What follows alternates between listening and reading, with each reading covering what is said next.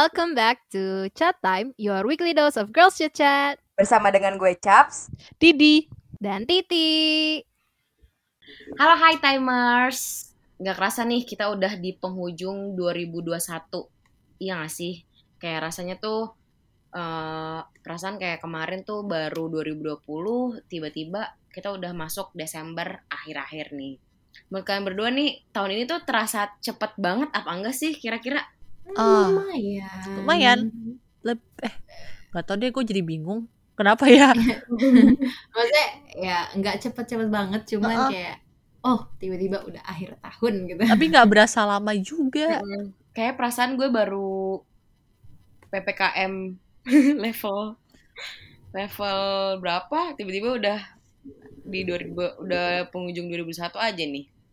Nah kan Iya. kemarin di 2021 banyak nih kayak eh, orang-orang mengalami perubahan kayak WFH dari WFO sekarang ke WFH terus dari eh, school from eh, school from school jadi school from home gitu-gitu deh pokoknya Hmm. sampai ada kayak hal-hal yang bikin uh, perdebatan atau gunjang-gunjing gitu kayak uh, Asik ada gunjing-gunjing kayak gak tuh? tersendiri gitu kayak contohnya nih Hmm. uh, perdebatan antara uh, lo tim percaya zodiak apa lo tim percaya kepribadian gitu Iya gak sih Ah, Ah, iya, iya. iya. Gue nggak ikut-ikutan deh tim-timan. kalau gue sih ya kalau gue nih uh, sebagai penikmat aja nih sebagai penikmat dari adanya fenomena kedua kubu ini kayaknya emang fenomena antara lo tim kepribadian sama tim zodiak tuh lagi hits gitu di kalangan anak muda apalagi anak Gen Z gitu kan berseliweran lah di TikTok, di Instagram atau di di ya di Reels gitu itu juga banyak sih perdebatan itu. Nah, Hmm. coba deh gue mau tanya ke timers, kira-kira lo tuh ah, tim apa nih? Gitu. Lo tim kepriba tim percaya kepribadian atau lo lebih ah, ke tim zodiak gitu. Nah, kita sambil nunggu jawaban dari timers, gue mau tanya dulu nih ke Titi sama Didi nih. Ah, lo lo berdua nih ah, tim percaya apa sih gitu? Percaya Gue Tuhan. percaya Tuhan. bener sih boleh percaya Tuhan gitu harus percaya Tuhan malah tapi kalau Iya. misalkan di di fenomena yang seperti ini nih di kalangan anak muda gitu anak muda mudi anak Gen Z anak yang ah, selalu terpapar oleh sosmed gitu atau atau Hmm. teknologi lo percaya apa sih kalau misalkan ketemu orang nih lo kayaknya ini ya MBTI lo in, eh, ENFJ ya atau atau lo percaya kayak eh lo ini ya eh, zodiak lo Taurus ya gitu Hmm. percaya apa Gue sih enggak sih, gue tuh jarang banget sih kayak ngomongin zodiak, cuman kayak kadang bercanda ya, kayak Hmm. kan ada stereotype Gemini, Yes. hindari Gemini. Halo, ada Gemini satu di sini.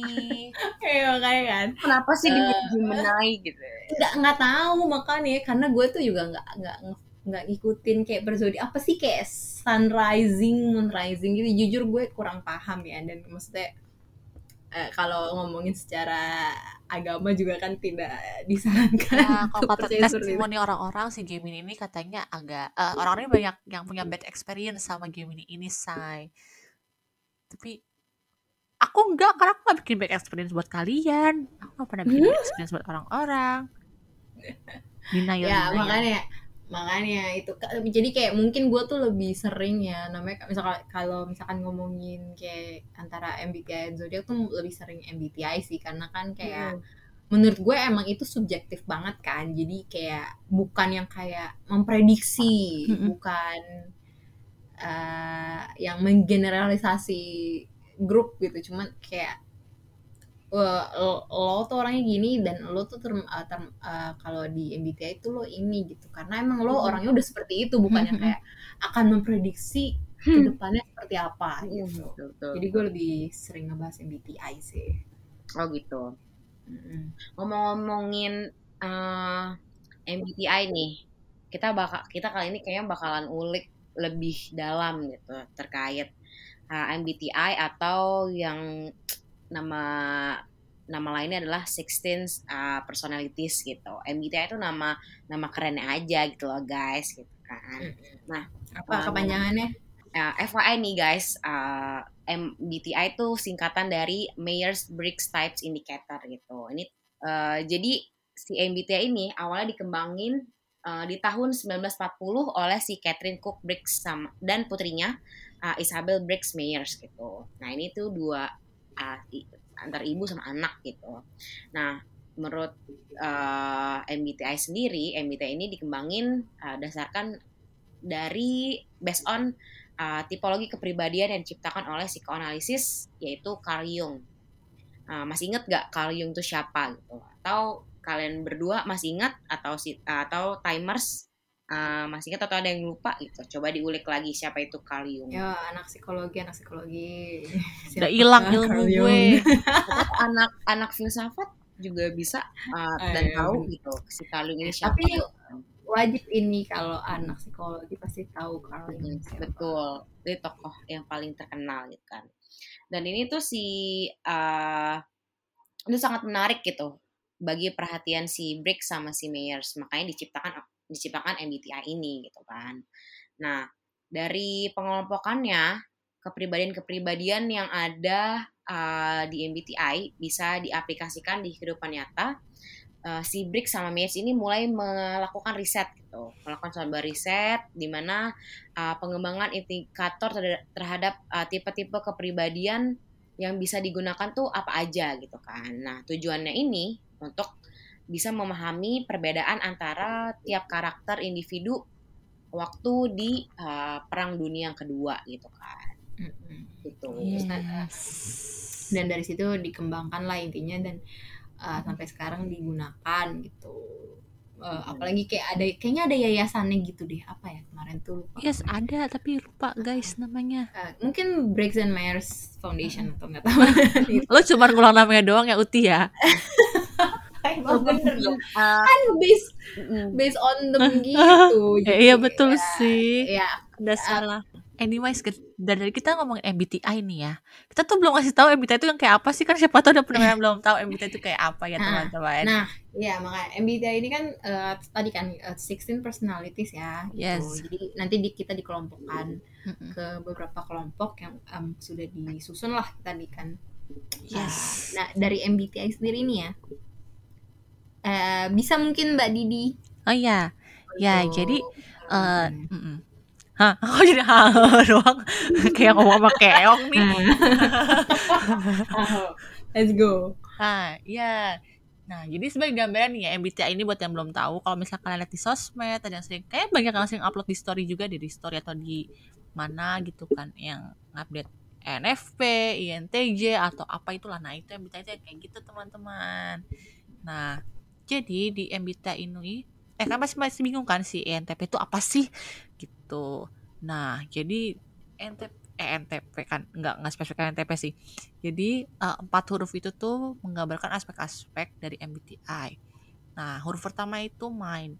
Jadi mind itu ngejelasin gimana cara kita berinteraksi sama lingkungan. Nah, si mind ini kelompok jadi dua kelompok, yaitu introvert dan extrovert. Nah, introvert ini kalau kalian tahu kan introvert nih kayak pendiam, gak mau bergaul. Nah, padahal enggak. Nah, ini dijelasin kan di awal nih mind ini ngejelasin cara kita berinteraksi sama lingkungan. Nah, introvert ini eh berinteraksinya tuh lebih yang apa ya bukan yang ngobrol get along yang apa ya jadi social butterfly gitu loh berinteraksinya lebih yang helpful terus lebih yang eh gimana ya bingung jelasinnya nih ya pokoknya itu lebih yang ketindakannya interaksinya. Terus juga introvert ini tuh eh, kayak energinya tuh dia dapat dari saat dia sendirian. Bukan berarti dia nggak mau berinteraksi dia berinteraksi tapi mungkin akan lebih cepet eh, capek gitu ya capek secara sosial dibanding teman-teman yang ekstrovert. Nah ekstrovert ini ya kebalikannya dia dapat energi dari orang-orang sekitar terus dia berinteraksinya itu lebih yang eh nemplok sana sini bisa gampang bergaul gitu kemudian ada energi. Nah, energi ini menunjuk, nunjukin gimana kita ngarahin energi mental kita. Nah, ini tuh ada dua, intuitif sama observant. Nah, mungkin ada yang mau bantu jelasin aku takut salah guys ya intuitif ya sama observant jadi eh, mungkin di sini tuh lebih kayak bagaimana kita eh, berfokus pada suatu informasi gitu loh. Eh, secara mental kita tuh ke mana sih arahnya gitu. Eh, kalau observant atau atau sensing ya mungkin kalau misalkan nanti dikelompokin pasti Oh iya, bener. lambang itu S Heeh, S ya. yes betul. Itu orang-orang yang realistis lah yang kayak uh, lebih lebih prefer tuh fokus ke uh, fakta dan detail-detail gitu. Jadi pakai common sense lah kalau misalkan menghadapi sesuatu tuh terus kayak um, based on experience dia tuh sebelumnya bagaimana dia bisa uh, mengatasi per- permasalahan yang uh, sekarang ini loh solusi yang sekarang tuh dia ciptakan berdasarkan pengalaman-pengalaman dia gitu. Kalau intuition ya lambangnya N nih biasanya. oh iya heeh, betul Iya, betul Ini ini soalnya emang ini doang yang beda nih. N Heeh. ini be- uh, lambangnya beda-beda. Betul betul Uh, dia tuh fokusnya lebih ke kemungkinan-kemungkinan dan apa ya uh, gambar besarnya lah uh, big picture gitu. Uh, terus ngeliat apa sih kayak pola-pola yang udah ada gitu. Dan dia lebih banyak inovasi sama kreatif sih solusi kalau nyari solusi gitu. Bedanya mungkin di situ. Trims Uti atas bantuannya Iya, sama-sama. Nah, terus nih lanjut lagi. Yang ketiganya aspeknya ada taktik. Nah, jadi si taktik ini nih mencerminkan cara kerja kita. Jadi dalam uh, menentukan sesuatu, merencanakan sesuatu gitu. Nah, di sini ada dua, terbagi jadi dua, yaitu judging dan prospecting. Nah, yang pertama ada judging. Judging ini tuh jadi orang tuh menilai sesuatu itu lebih secara hitam dan putih, lebih saklek, lebih apa ya leb- eh, kurang flek- fleksibel gitu loh kalau merencanakan sesuatu. Gitu. Beda sama yang prospecting ini dia lebih mikirin eh, lebih bisa menerima hal-hal yang muncul secara dadakan. Lebih bisa menerima ide-ide yang eh, apa ya yang kreatif gitu ya yang idenya tuh munculnya out of the box gitu nah yang terakhir tuh identity. Jadi nunjukin nah oh ya identity identity ini sebenarnya jarang kelihatan kalau misalnya kita tes MBTI gitu loh. Jadi paling terakhir kadang suka ada yang INTPJ atau NFPA tapi itu jarang kelihatan gitu. Jadi dia agak anak tiri ya di sini. Hmm. nah jadi identity ini tuh nunjukin gimana cara kita bisa percaya sama diri kita sendiri percaya sama kemampuan kita dan percaya sama keputusan kita nah ini tuh ada dua yaitu assertif dan turbulent gitu teman-teman Hmm, Oke. Eh, mungkin biar ada gambarannya ya. Maksudnya kan tadi Yes. kita udah ngomongin secara garis besar nih ada apa aja Hmm. sih di MBTI itu kayak komponennya apa aja gitu. Betul. Sampai bisa ada empat eh, empat apa sih? empat huruf gitu. Terus kadang Yes. ada tambahan di akhir jadi lima huruf gitu. Apaan aja sih? Bedanya apa aja gitu. Betul Kita nggak bisa bahas semuanya ya, karena itu ada Mm-mm. 16. Itu akan Iya. memakan sangat waktu. Ya kita, bagaimana kalau kita ngebahas MBTI kita aja nih, yang Yes. jelas kita bisa memberi testimoni seberapa tepatnya gitu. Yes, Mungkin yes. mau dimulai dari eh, siapa nih? Didi dulu apa mau cabut dulu? Didi lu boleh. Oke, aku boleh ya. Jadi MBTI aku tuh INTJT. Nah, Kalau dari Hmm. websitenya The 16 Personalities ini itu tuh dibilangnya Turbulent Architect gitu. Hmm. Nah, F- Contohnya gimana tuh? Ntar FYI dulu ya. Ini eh, MBTI gue sama kayak Michelle Obama, terus Nietzsche, Elon Musk, Christopher Nolan, Putin, eh, Hmm. ya, sama Arnold Schwarzenegger. Wow, serem juga. ya. Ya kenapa ada Putin di situ sih? Why? Oke. Ini ini tuh jadi eh, INTJ di gini, berarti kan apa? I itu introvert. Introvert. Heeh. Apakah benar kamu merasa introvert? Eh, 80%. Hmm, Berarti lebih suka sendiri ya. Kerja Yes. kalau kerja terus kayak kalau pergi-pergi lebih suka sendiri gitu ya. Eh, mungkin bukan lebih suka sendiri lebih eh, iya lebih nyaman sendiri tapi kalau Iya. rame-rame setelah itu harus menyendiri mengembalikan energi Hmm. dulu. Ah, I Gitu. see, I see. Oke. Terus N, N kan berarti eh, intuition. Berarti kamu Yes. ini orangnya eh, kreatif ya, inovatif. Sebenarnya ada kurang sih yang itu, tapi ini 50-50 posisinya pas di tes itu. Hmm. Nah, I see. Oke. Terus T, T itu apa berarti thinking, thinking. Kamu Thinking. berarti logi logis eh, lebih apa kalau Apa atau Hmm. gimana? Iya lebih mikir eh, mikirnya panjang kalau melakukan sesuatu. Eh, berarti ini ya, maksudnya lo tuh menganalisis secara logis ya Yes. kalau misalkan ada ada perma- apa harus butuh mengambil suatu keputusan gitu. Yes betul. Oke, sip. Eh, terus J, J itu judging ya. Aku orang judgmental. Eh, kamu judgmental sekali ya. Emang ini valid 100% valid kalau ya judgmental. Hmm, tapi eh, ini berarti ini kan berarti kalau judging di sini Iya, artinya lo suka lo saklek lah orangnya ya. Yes. Tapi agak bertubrukan sama si yang apa yang tadi yang kreatif itu ti intuitif ya? Hmm, eh intuitif. eh, iya, iya intuitif ah. Oh, Intuition. intuitif. Nah, ya, ya agak berterabak berterabak ya bertabrakan. Tapi emang sebenarnya gue lebih ke yang si apa namanya ini apa judging ini sih gue lebih saklek lebih Hmm. uh, konvensional kurang Hmm. bisa menerima hal-hal yang menurut gue uh, apa ya yang kayak ini terlalu risky deh gitu Hmm, oke oke. Terus kan lo ada tambahan huruf di belakang tuh berarti T. Yes, turbulen, turbulen. kan. Itu maksudnya turbulen apa coba? Jelasin di. apa? Aduh gue lupa lagi. Turbulen ini gak sih? Eh eh, eh, apa eh, lama kalau menentukan sesuatu maksudnya? Oh iya iya. Bener bener bener. Lebih eh, banyak mikir dulu ah gitu. iya. oh iya iya. Betul betul. Nah ya Nah, berarti nih INTJ eh, T orangnya secara garis besar seperti apa sih, Di? Secara garis besar itu kalau ini gue dapet dari si website tadi ya. Mm-mm. jadi itu attention to details. Jadi merhatiin detail-detail kecil. Tapi ini kayak kurang berlaku buat gue karena gue sering ketelisut barang-barang.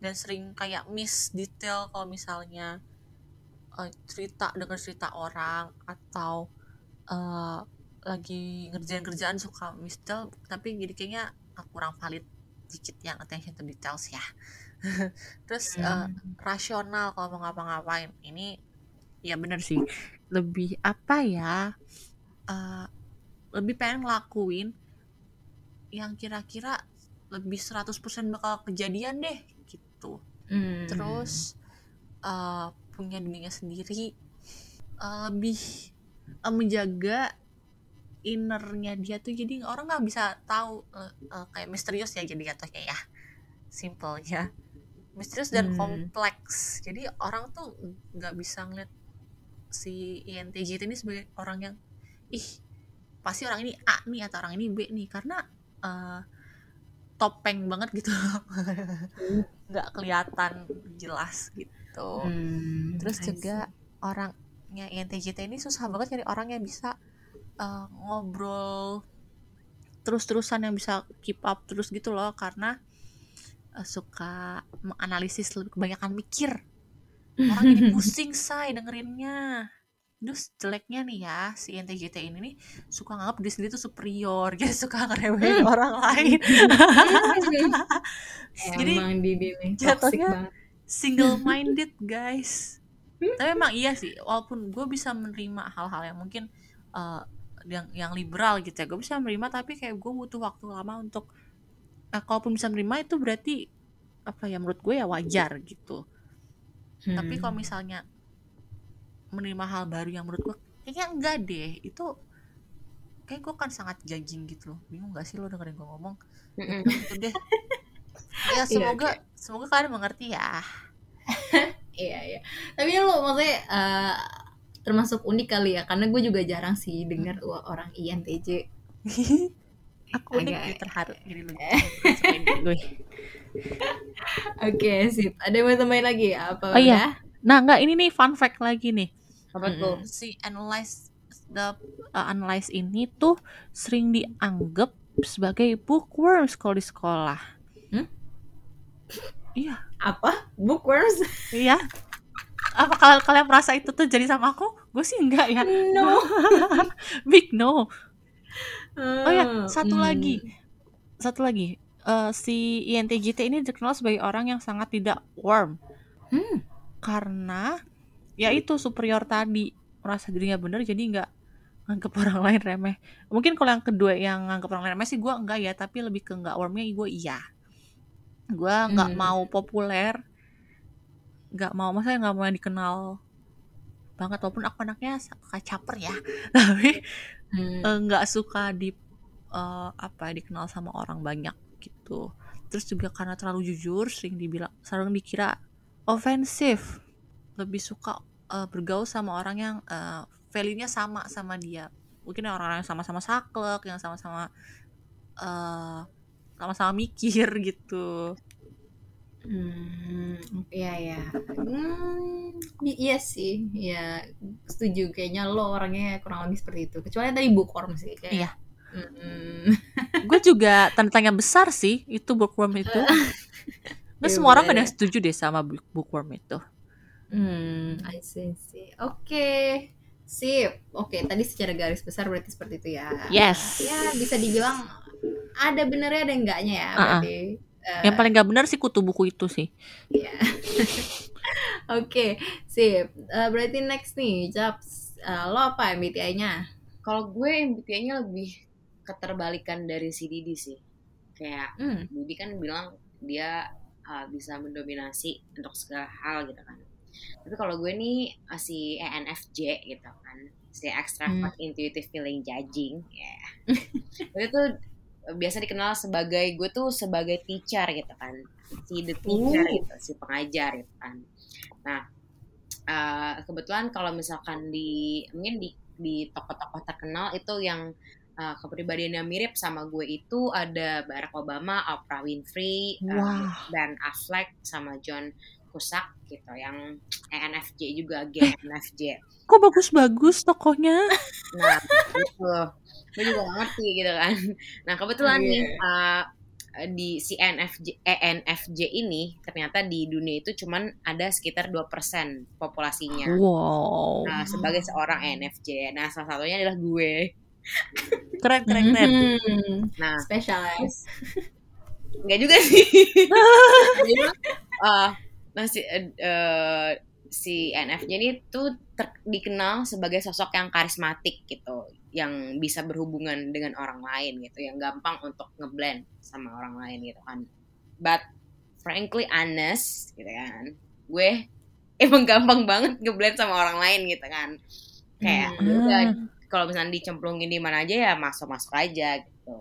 Nah, terus si NFJ ini dikenal sebagai sosok yang ramah gitu atau bisa dan atau bisa dibilang kayak friendly gitu kan atau humble gitu dan bisa juga dibilang sebagai sosok yang paling ekspresif dibandingkan ke, eh, tipe kepribadian yang lain.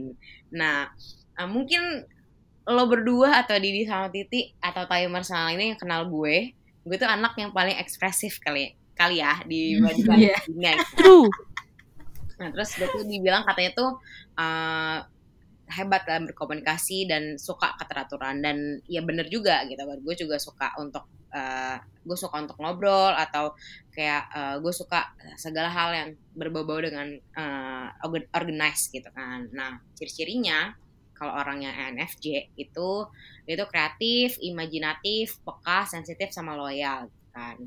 Terus uh, si NFJ ini juga dikenal sebagai orang yang peduli apa kata orang dan apa yang orang lain inginkan. Tapi ini Hmm. bisa jadi hal yang sangat apa ya kontradiktif gitu di mana kalau uh, si NFJ ini gampang banget untuk menjadi people pleaser gitu kan. Nah, hati-hati nih para NFJ seperti gue gitu. Nah, Hmm. kayak gue eh, NFJ ini suka banget eh kayak memperhatikan perasaan orang lain kayak "Eh, lo kenapa lo eh, lo lagi kenapa? gitu. Suka banget tanya kayak gitu. Atau kayak eh, lo lagi eh kalau misalnya gue kayak ini lo nyakitin hati lo nggak ya? Gitu. Kayak, pasti suka gitu. Nah, terus si NFJ ini juga eh, tipe tipe yang pandai pandai bergaul eh, gampang untuk meyakinkan ramah fun populer simpatik gitu kan. Nah, responsif sama kritik dan pujian gitu. Jadi kayak balance gitu dua-duanya.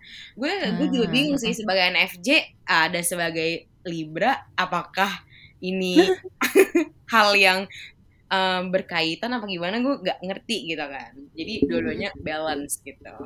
Nah terus uh, suka segala hal variasi sama tantangan baru terus kadang tuh ya uh, minusnya mungkin dia tuh butuh banget apresiasi dari luar sama penerimaan dari dari luar gitu gitu Uh, terus apa ya mungkin kalau misalkan dibilang uh, di di di di side romantic relationship gitu istilahnya Mhm. si tipe-tipe ENFJ ini uh, cocok sama ini bukan cuma buat romance sih sebenarnya ini buat friendship atau apa pun Mhm. uh, tipe-tipe ENFJ ini cocok sama tipe yang INFP atau ISP ISVP sorry gitu.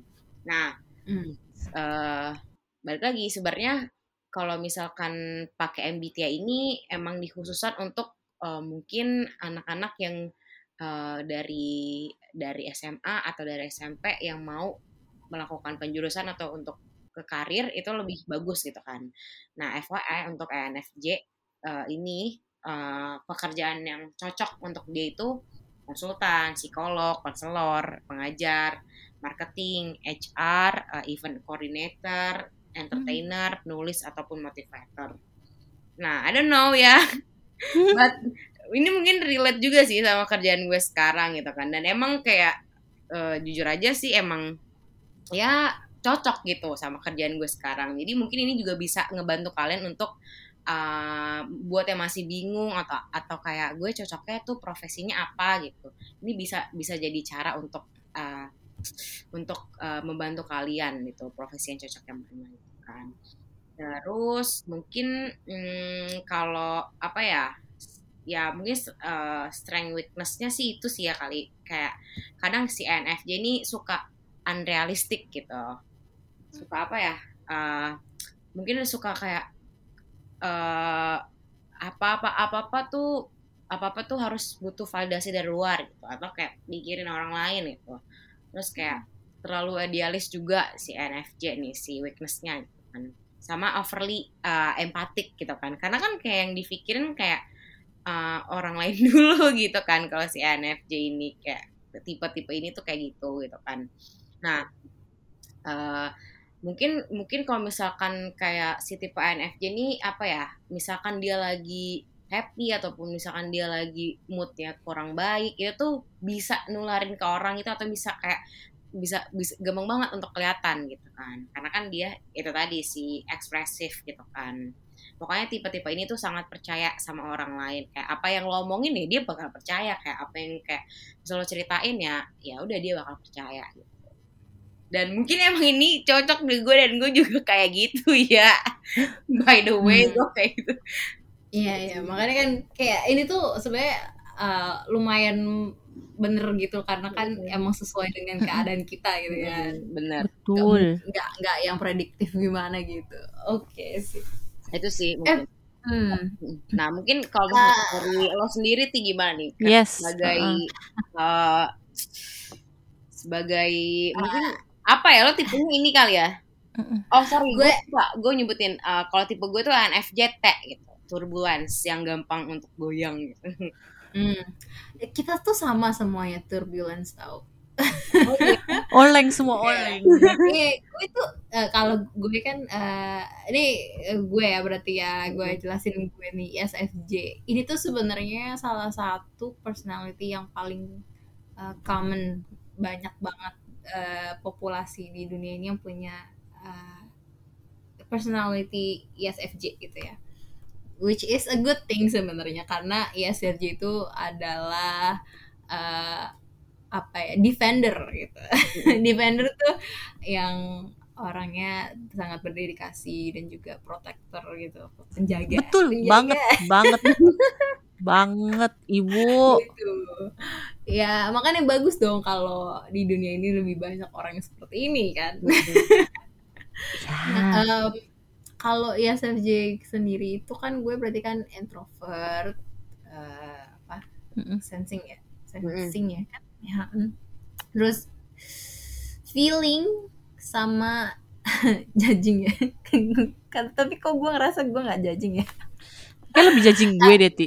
tapi enggak sih sebenarnya gue ya nggak tapi gue tuh ngerasa gue judging sih karena gue emang orangnya saklek kalau bilang tapi ya ini oh nih kalau di hasil gue tuh eh, introvert gue tuh 53% doang Hmm. judging gue juga 53% jadi maksudnya gue tuh eh, kalau misalkan antara introvert ekstrovert itu bisa dibilang gue dua-duanya gitu karena Tengah-tengah ya. ini tuh tengah banget sih cuma beda kayak tiga persen doang kayak apa artinya sih? Gitu Betul. tuh nah cuman kalau turbulen tuh gue 75% which is very high ya. Dan itu emang bener sih karena kan bilang sendiri itu orangnya apa ya lebih banyak mikir lebih banyak pertimbangan gitu loh kalau misalkan eh, ada sesuatu. Dan eh, apa ya ini sih kalau misalkan gue kan di website 16personalities.com ya kalau kalian ke Yes. sana abis itu kan ada report ya dan Mm-mm. kalian bisa melihat uh, uh, apa uh, deskripsi dari personality kalian seperti apa gitu dan Hmm. emang iya sih gue ngerasa ini gue banget gitu loh Uh, di mana kayak salah satu kelemahan gue itu adalah uh, suka merepres menekan perasaan gue Ya. men- menyembunyikan gitu.